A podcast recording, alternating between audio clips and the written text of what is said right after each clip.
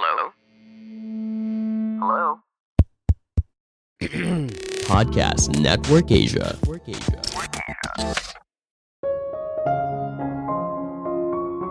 Mencapai karir yang sukses bukan hanya soal mengejar gaji yang besar, tapi menemukan mentor yang tepat akan membantu kamu mencapai karir yang lebih tinggi. Halo semuanya, nama saya Michael. Selamat datang di podcast saya, Sikutu Buku. Kali ini saya akan bahas buku Katalis, karya Chandra Mouli Van Katesen. Sebelum kita mulai, buat kalian yang mau support podcast ini agar terus berkarya, caranya gampang banget. Kalian cukup klik follow. Dukungan kalian membantu banget supaya kita bisa rutin posting dan bersama-sama belajar di podcast ini. Buku ini membahas rahasia untuk meraih karir yang sukses. Bayangkan kamu menaruh sayuran, bumbu, dan minyak ke dalam sebuah panci, tapi tidak ada api selama beberapa jam. Lalu kamu memakannya. Apakah bisa dimakan? Kemungkinan besar ya tidak. Semua itu hanyalah bahan saja dan tidak bisa dimakan, kecuali kamu memasaknya di atas api. Ini yang kita butuhkan. Sebuah katalis dalam contoh ini adalah api yang membuat semua bahan itu bersama dan akhirnya menjadi sebuah masakan yang enak. Sama halnya ketika kita berpikir soal karir. Jika kita punya semua bahan untuk sukses, misalnya pendidikan, pekerjaan sekarang, IQ, EQ, kerja keras, dan sebagainya, maka kita akan sukses. Belum tentu. Karir itu boleh dibilang sesuatu yang misterius, tidak 100% berada di luar kendali. Namun kita bisa menciptakan katalis agar semua bahan yang sudah kita miliki tadi bisa membantu kita untuk sukses dalam berkarir. Saya merangkumnya menjadi tiga hal penting dari buku ini. Pertama, fokus pada pengembangan diri, jangan hanya soal karir. Di masa sekarang, hidup boleh dibilang seperti perlombaan tikus. Sehabis selesai dari dunia pendidikan, kita semua berlomba-lomba untuk mengejar karir atau bisnis. Semakin tinggi, semakin baik. Namun sayangnya, kadang perjalanan karir tidak semulus apa yang kita harapkan. Misalnya kita punya ekspektasi di umur 25 harus mencapai karir tertentu. Tapi ketika hal itu tidak terjadi, kita bisa saja frustasi. Mungkin kita perlu sudut pandang yang berbeda. Kita memulai dengan melepaskan ilusi kontrol. Ingat, perkembangan karir itu tidak sepenuhnya tergantung pada dirimu seorang. Seperti halnya sebuah kapal yang mengarungi lautan, karir seorang selama 40 tahun juga tidak selamanya lancar. Kadang melewati badai atau mungkin bisa terjebak dalam karam. Di satu masa, ekonomi sedang baik.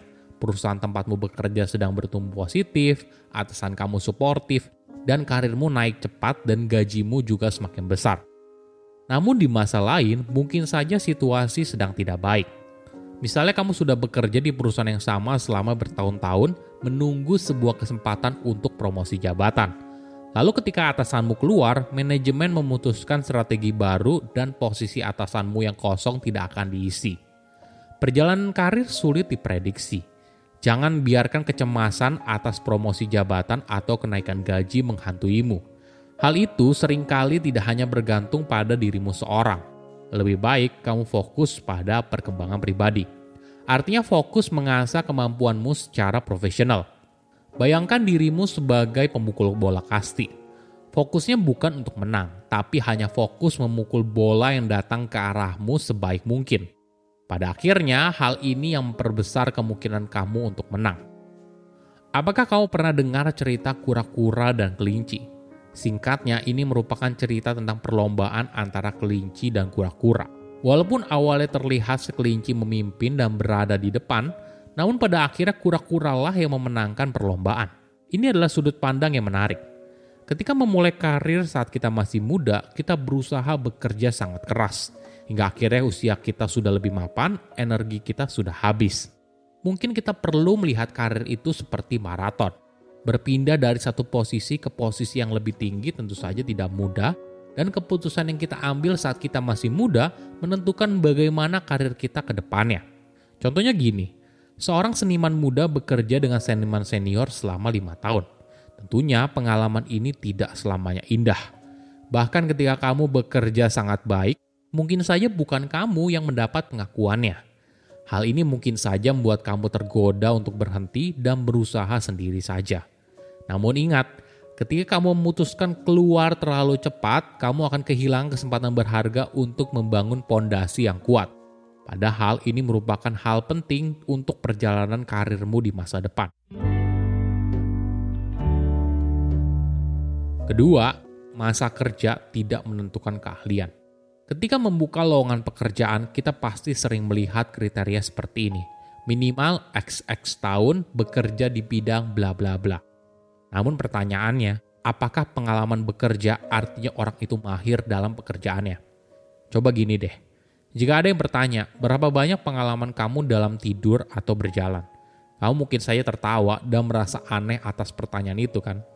Sama halnya ketika kamu bercerita kepada calon atasanmu kalau kamu punya pengalaman lima tahun bekerja di bidang tertentu. Perlu kita pahami, pengalaman itu adalah hasil dari proses belajar yang aktif. Prosesnya sendiri terdiri dari tiga tahap. Berlatih, mengevaluasi kinerja, lalu mengambil langkah untuk menjadi lebih baik di masa depan. Contohnya begini, kamu bekerja di bagian penjualan. Tentunya kamu punya target penjualan kan? Kamu mendatangi konsumen dan menawarkan produk. Kamu baru mendapatkan pengalaman ketika kamu belajar dari setiap interaksimu dengan konsumen, lalu menjadi lebih baik ketika berbicara dengan konsumen lagi di masa depan. Kenapa hal ini penting? Ketika kamu secara sadar mengevaluasi kinerjamu, maka kamu jadi sadar hal apa saja yang masih kurang dan apa yang bisa kamu lakukan untuk memperbaikinya.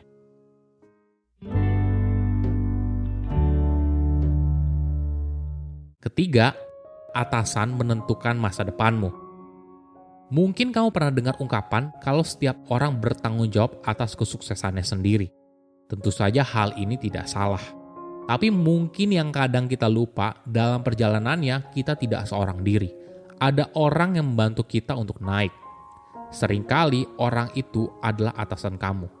Itulah kenapa bekerja dengan atasan yang tepat merupakan hal penting untuk mencapai kesuksesan dalam karir. Mungkin dalam perjalanannya kamu akan bertemu dengan dua tipe atasan yang berbeda. Pertama, result driven boss. Ini adalah tipe atasan yang penting kamu mencapai target yang sudah diberikan. Jadi mereka akan sering follow up soal deadline dan mengecek bagaimana progresnya. Sedangkan tipe kedua, atasan ini juga komitmen untuk mencapai hasil terbaik. Tapi di sisi lain, orang ini juga peduli dengan perkembangan pribadimu Inilah tipe atasan yang juga bisa jadi mentor. Tipe atasan ini biasanya tidak akan langsung memberikan solusi, tapi membantu kamu untuk memahami sebuah masalah dan membantu kamu untuk mencapai solusinya sendiri. Atasan ini juga tertarik atas apa yang telah kamu pelajari dari sebuah proyek. Tentunya dari dua tipe atasan tersebut, atasan kedua merupakan orang yang bisa membantu karirmu kan?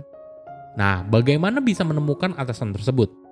Pertama, Coba lihat perusahaan yang memiliki banyak karyawan bertalenta.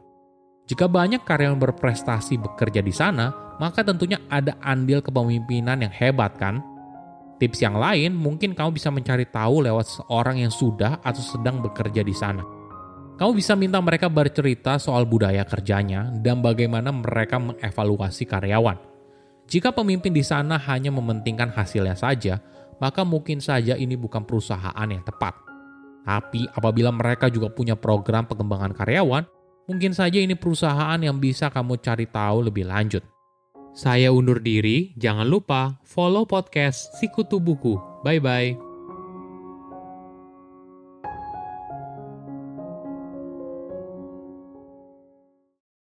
Pandangan dan opini yang disampaikan oleh kreator podcast, host, dan tamu tidak mencerminkan kebijakan resmi dan bagian dari podcast Network Asia.